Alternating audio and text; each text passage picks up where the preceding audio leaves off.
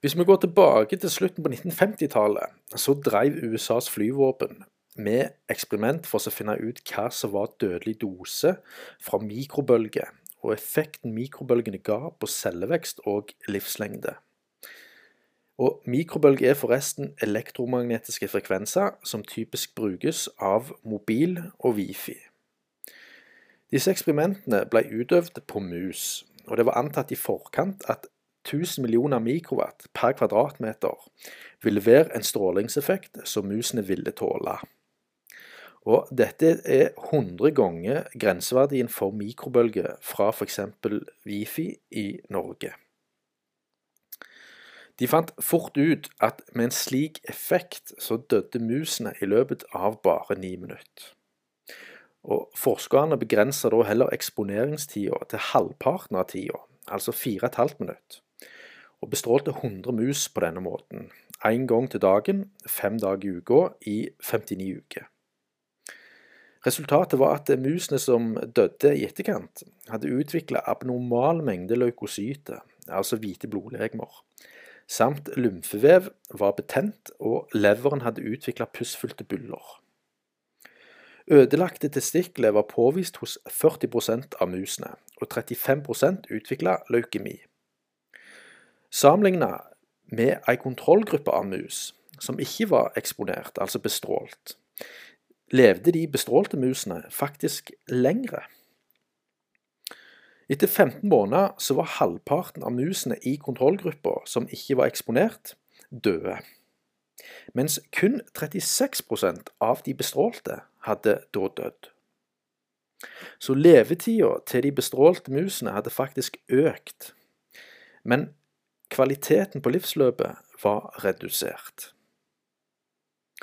Effekten som ble brukt her på 1000 millioner mikrowatt per kvadratmeter, er drøyt over grenseverdiene.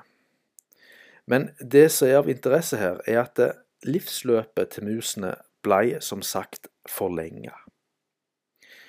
Et annet studie, igjen finansiert av flyvåpenet i USA, da på tidlig 80-tallet, ble utarbeidet i forbindelse med radarstasjonene kalt PavePause, som på den tida var de kraftigste i verden.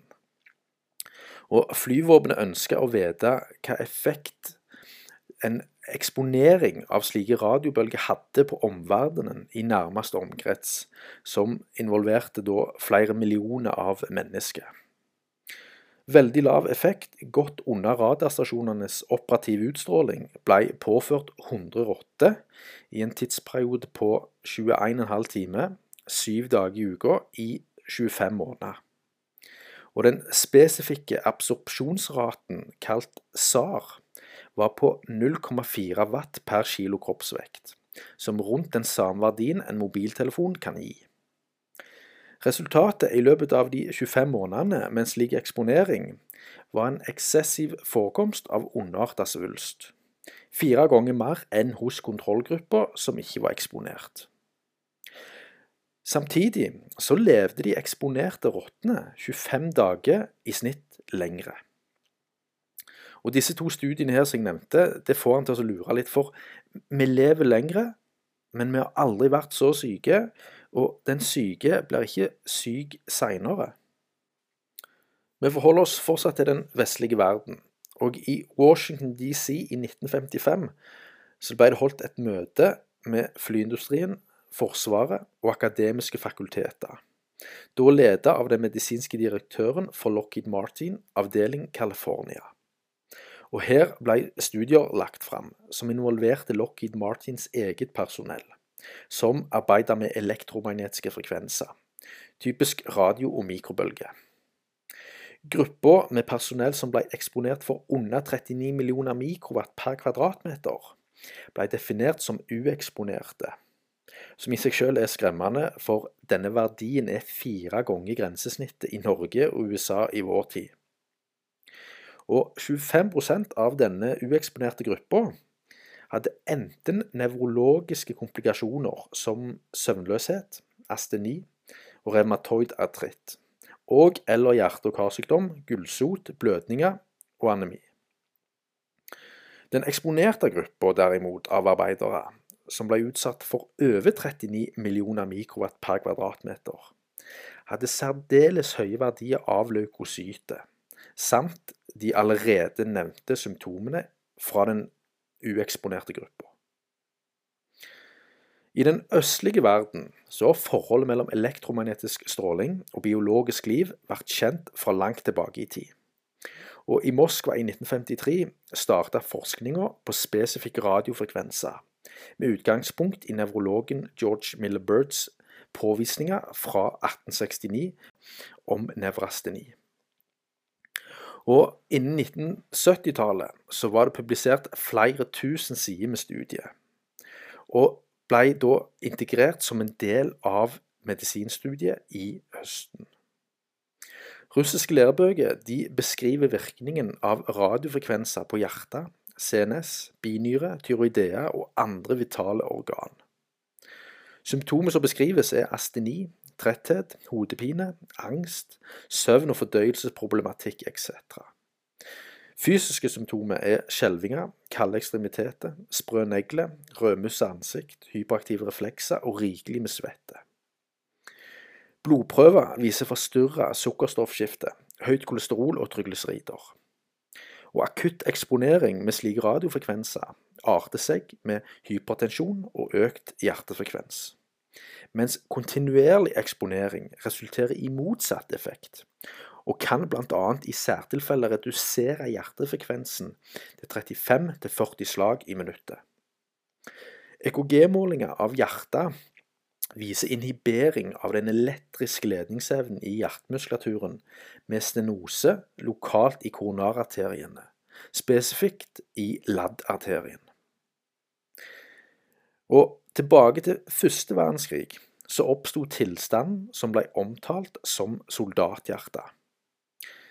Og dette under en tidsalder hvor kardiologi ennå ikke var en medisinsk spesialitet. Og soldathjertet kom tilbake som lyn fra klar himmel under andre verdenskrig, og ramma, som navnet sier, hovedsakelig soldater og militærpersonell. Blodprøver, urinprøver, røntgen, EKG og EEG var alle innenfor såkalte normale verdier. Men det var hypertensjon og hjertefrekvens på over 90 slag i minuttet, og økt åndedrett over 20 pust i minuttet hos pasientene på denne tida. Samtidig så var de velkjente symptomene beskrevet i den østlige verdens lærebøker til stede. Fysiske tester på kandidatene, eller pasientene om du vil, ble utført på datidens tredemølle og viste en økt laktatproduksjon og forhøya oksygenforbruk som et resultat av defekt celleånding. Og Årsaken kunne ikke gis stresshormoner eller hyperventilering, på bakgrunn av at urinprøver inneholdt ikke 17 ketosteroider. Og EKG-målinger som ble utført, kunne være identiske til EKG-en fra pasienter med påvist koronarhjertesykdom eller hjertefeil. Fellesnevneren her for både første og andre verdenskrig er at det begge utspilte seg med bruk av nymotens form for kommunikasjon, som nevnt i Kjappis 38. Ha i bakhovet at grenseverdien for f.eks. mikrobølger som brukes til ja, f.eks. Wifi, er satt til 10 millioner mikrowatt per kvadratmeter her i Norge. Og Grunnen, som tidligere nevnt i Kjappes 24, er at styringsorganet IKNIRP kun tar hensyn til den elektrokjemiske tilnærmingen, som vil si at når grenseverdien på 10 millioner mikrowatt per kvadratmeter overgås, vil cellene i kroppen begynne å varmes opp i så stor grad at det anses som skadelig. Men en erkjennelse for at en annen variabel enn termisk effekt kan eksistere og være av betydning, neglisjeres fullstendig. Og dette kommer tydelig fram i IKNIRP sine oppdaterte retningslinjer, som ble lagt fram i 2020, der kun termisk effekt fortsatt kun legges til grunn.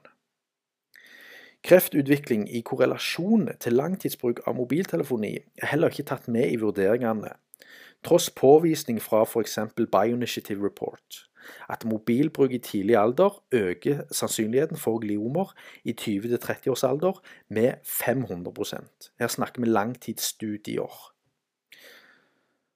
Samme kan sies om IARC sin eh, klassifisering av elektromagnetiske frekvenser som gruppe 2B, som vil si at de er potensielt kreftframkallende. Disse variablene her ble ikke inkludert i lista av vitenskapelige vurderinger brukt under forberedelsene til de nye retningslinjene til ICNIRP.